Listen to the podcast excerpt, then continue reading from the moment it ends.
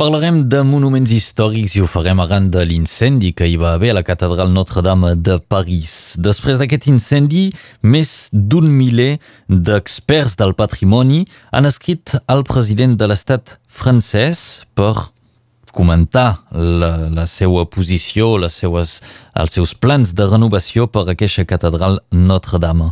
Un dels signants d'aquesta carta és el nostre convidat avui, Olivier Poisson, bon dia. Bon dia. Seu amb nosaltres avui, recordem que seu arquitecte, historiador de l'art, heu estat inspector general dels monuments històrics, també seu president de l'Associació Cultural de Cuixà i membre corresponent de l'Institut d'Estudis Catalans ser un dels signants d'aquesta carta, el que més o menys volíeu dir al president francès, que ha assegurat que la reconstrucció es faria en cinc anys, és que no cal confondre eh, doncs, la, la no es cal precipitar sobretot amb temes tan concrets, eh? Sí, clar.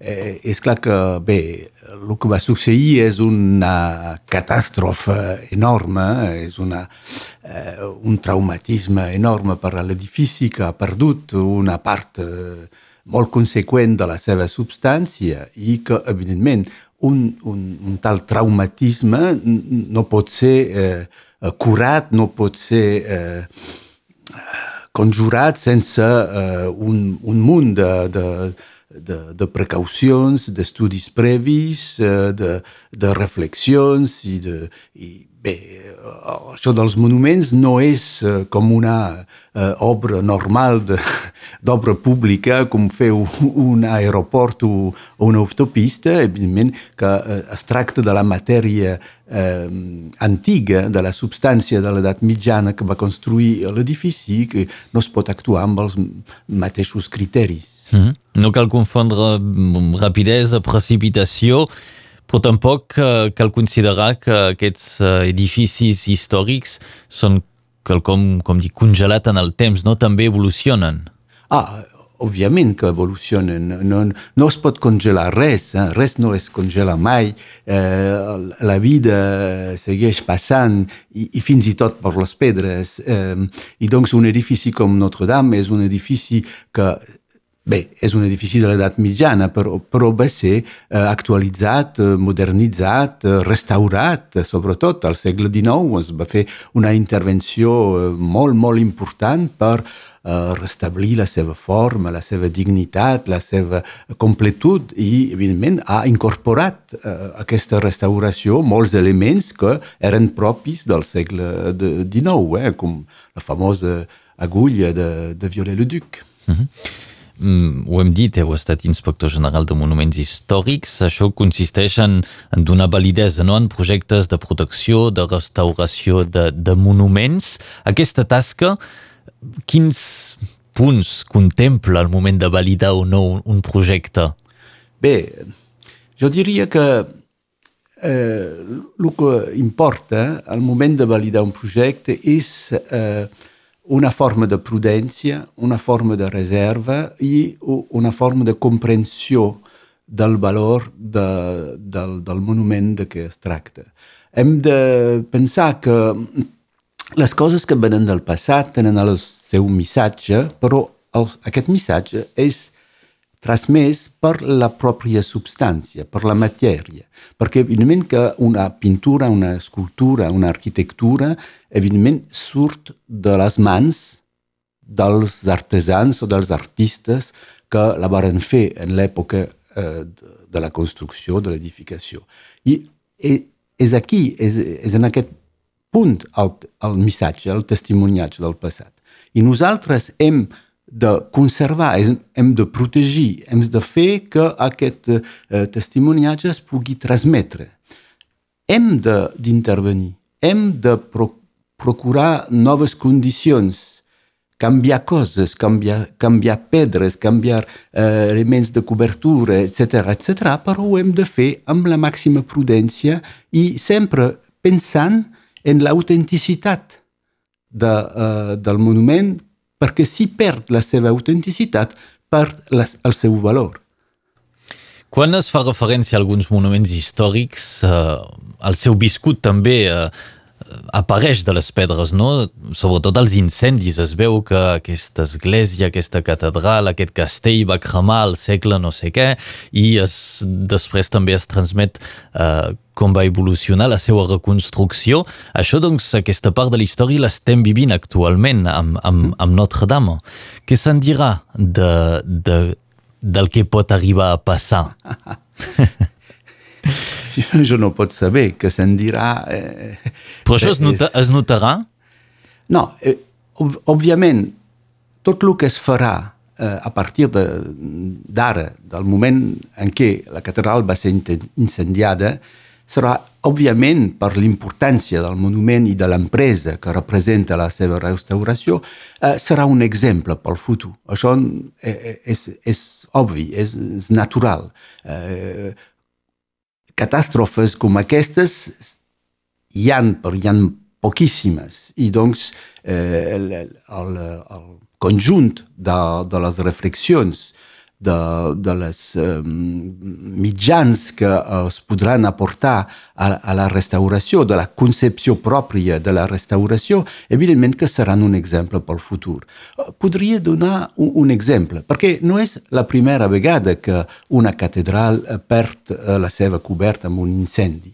Ja va succeir, per exemple, eh, més, més eh, famosament, uh, per la catedral de Reims, que va ser incendiada durant la, la guerra de 1914, i uh, s'ha uh, s'ha tingut de reconstruir la, la coberta.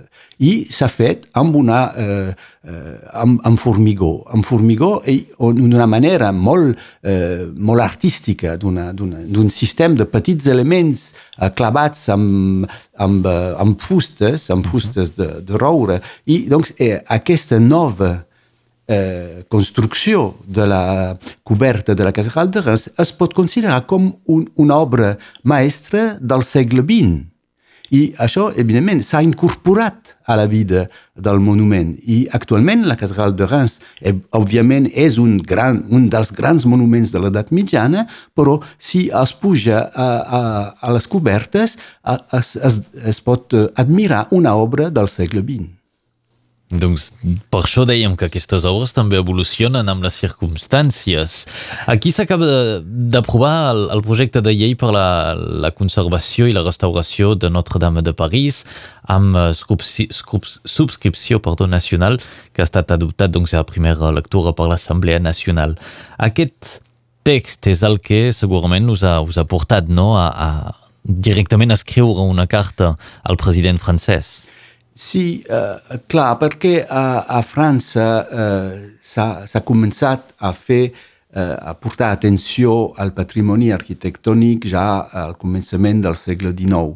Eh, s'ha construït d'ençà del 1830 eh, un servei de monuments històrics que reuneix, jo no vull jo no vull bé, evidenciar el que fou el meu mestier, però és clar que eh, tenim competències, tenim organització, eh, hi ha una tradició i fins i tot una escola francesa de, de la restauració dels monuments amb, amb, amb molta, molta gent, molta gent eh, i molta experiència, molta competència. I nosaltres no hem ben bé eh, entès perquè es volia fer una llei d'excepció eh, amb un eh, plantejament d'un establiment públic especial dedicat a Notre-Dame de París. Bé, no és la primera vegada que hi ha eh, obres importants a, a conduir en un monument eh? I ja els, les eines existeixen, existeixen. doncs eh, hem, hem, ens ha semblat una mica desproporcionat. El que preocupa doncs, és que aquest text pot eh, eh, contribuir a alleugerir algunes obligacions en matèria de mercats públics, però també de llei sobre la protecció del patrimoni? Jo, jo no veig en quin sentit eh, es podria obviar a les lleis de, de protecció del patrimoni. A França la legislació és molt, és molt clar. No, no, fixa, eh, no fixa condicions eh, eh, estableix un, un, un, un control un control el més informat, el més elevat possible, perquè hi ha, doncs, eh, en cada regió inspectors, conservadors que poden eh, opinar en els projectes. I hi ha comissions, i fins i tot comissions nacionals, que poden de, de, donar un parer eh, als projectes. Hi ha una mena de, de col·legialitat i, de, i de, de reflexió col·lectiva que fins i tot i fins ara ha funcionat bé. I doncs jo, jo no veig per què s'hauria d'obviar aquest sistema. Eh, si no, si, si fos per eh, validar un projecte que no seria finalment en la línia eh, raonable d'una. Olivier Poisson, recordem que seu historiador de l'art, arquitecte, antic conservador dels monuments històrics, un dels signants d'aquest més de mil conservadors, arquitectes, professors francesos que heu escrit al, al president francès. La carta és enviada, heu tingut algun retorn? Mm, que no sàpiga no. De moment no. També us tenim aquí i us volem preguntar ben segur per aquests monuments, edificis d'aquí Catalunya Nord sobre la seva protecció. Quelcom que ha passat a Notre Dame, evidentment, pot arribar a passar per tot. És una desgràcia que difícilment es pot preveure. Però és que hi ha manera de, de, de fer un treball de prevenció i de protegir els nostres edificis. Sí, prevenció és sempre necessària i, i veiem que en el cas de Notre Dame potser que no hi ha hagut prou prevenció i, i, doncs ha, ha pogut succeir uh, l'incendi. Uh, aquí a, a Rosselló i Cerdanya no, no tenim gran, gran descobertes de fusta que són típiques d'una civilització tècnica que no, és, que no és la nostra. Però és clar que a, a les nostres esglésies, que són quasi totes eh, uns, uns museus, eh? quan eh, s'adona, quan l'home s'adona de la riquesa de, patrimonial de, del nostre país, és, és, és que tenim un conjunt d'obres d'art eh, a les esglésies de, de cada poble que és eh, impressionant.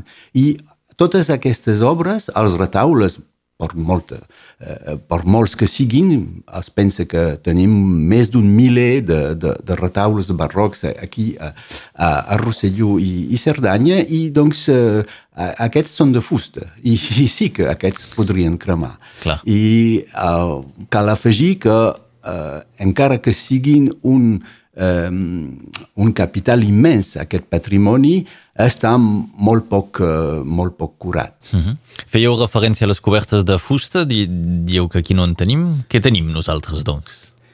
Bé, sí, que tenim cobertes uh, com... Bé, eh, cobertes amb teulades i les, teulades, les teules són posades en fusta, però mm. no tenim aquestes construccions de carpinteria amb uh, eh, assemblages molt, molt complicats i molt elevats. Eh? La, la silueta d'un edifici com Notre-Dame amb aquest, eh, aquesta coberta eh, aguda i com, que protagonitza l'arquitectura de l'edifici, això no el tenim a, en el sud, en general, en països mediterranis. Eh? Tenim cobertes molt més planeres, amb materials diferents i, i que no fan aquest, eh, aquest conjunts de fusta. Eh? Sabeu que la, la, la carpinteria de Notre-Dame en deien el bosc, eh? sí. la forêt. Mm -hmm. eh, evidentment, nosaltres no tenim boscos a damunt dels nostres edificis. Això s'explica només per motius arquitectònics o també per, eh, a l'època, la prevenció que desgràcies com aquestes puguin passar. Es tenia en compte el fet que la fusta crema? Sí, sí, òbviament. Sempre s'ha dit, per exemple, que la romànica amb les seves voltes és una resposta a l'incendi, eh, que quan es fa una coberta de pedra, evidentment no pot cremar. Clar. Doncs sí que ho tenien en compte. Um, vet aquí pel que volíem dir de moment, esperem a veure si hi ha alguna reacció per part de l'Estat en aquesta carta que heu pogut enviar i sempre doncs, contemplant uh, quin serà el projecte escollit finalment per la reconstrucció. Personalment, seu, eh, hi ha el debat eh, de si cal reconstruir el vell o si es pot eh, posar algun toc de, de nou i d'actual. Bé, eh, em sembla que el més important és, és protegir, conservar l'identitat del monument, la seva dignitat, la seva personalitat.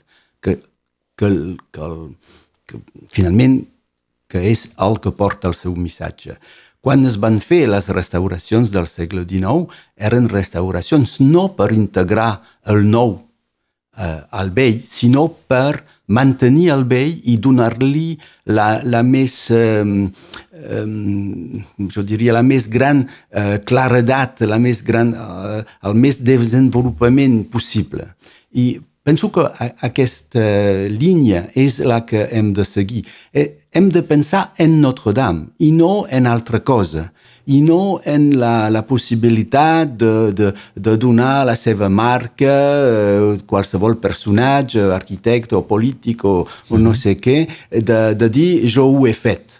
No, no, no, això no seria raonable. Hem de pensar al monument, al monument, al seu valor, al seu arrelament històric, al missatge que pot portar per, per l'esdevenir, per als nostres fills, que hauran de poder gaudir d'un monument carregat d'història i d'art. Doncs veurem si aquesta és la línia que s'acabarà seguint. En tot cas, donem les gràcies al nostre convidat avui, Olivier Poisson, d'haver estat amb nosaltres per entrar en més detall sobre el futur de Notre-Dame i també una esmena a les construccions que tenim aquí a Catalunya Nord. Senyor Poisson, moltes gràcies. Moltes gràcies.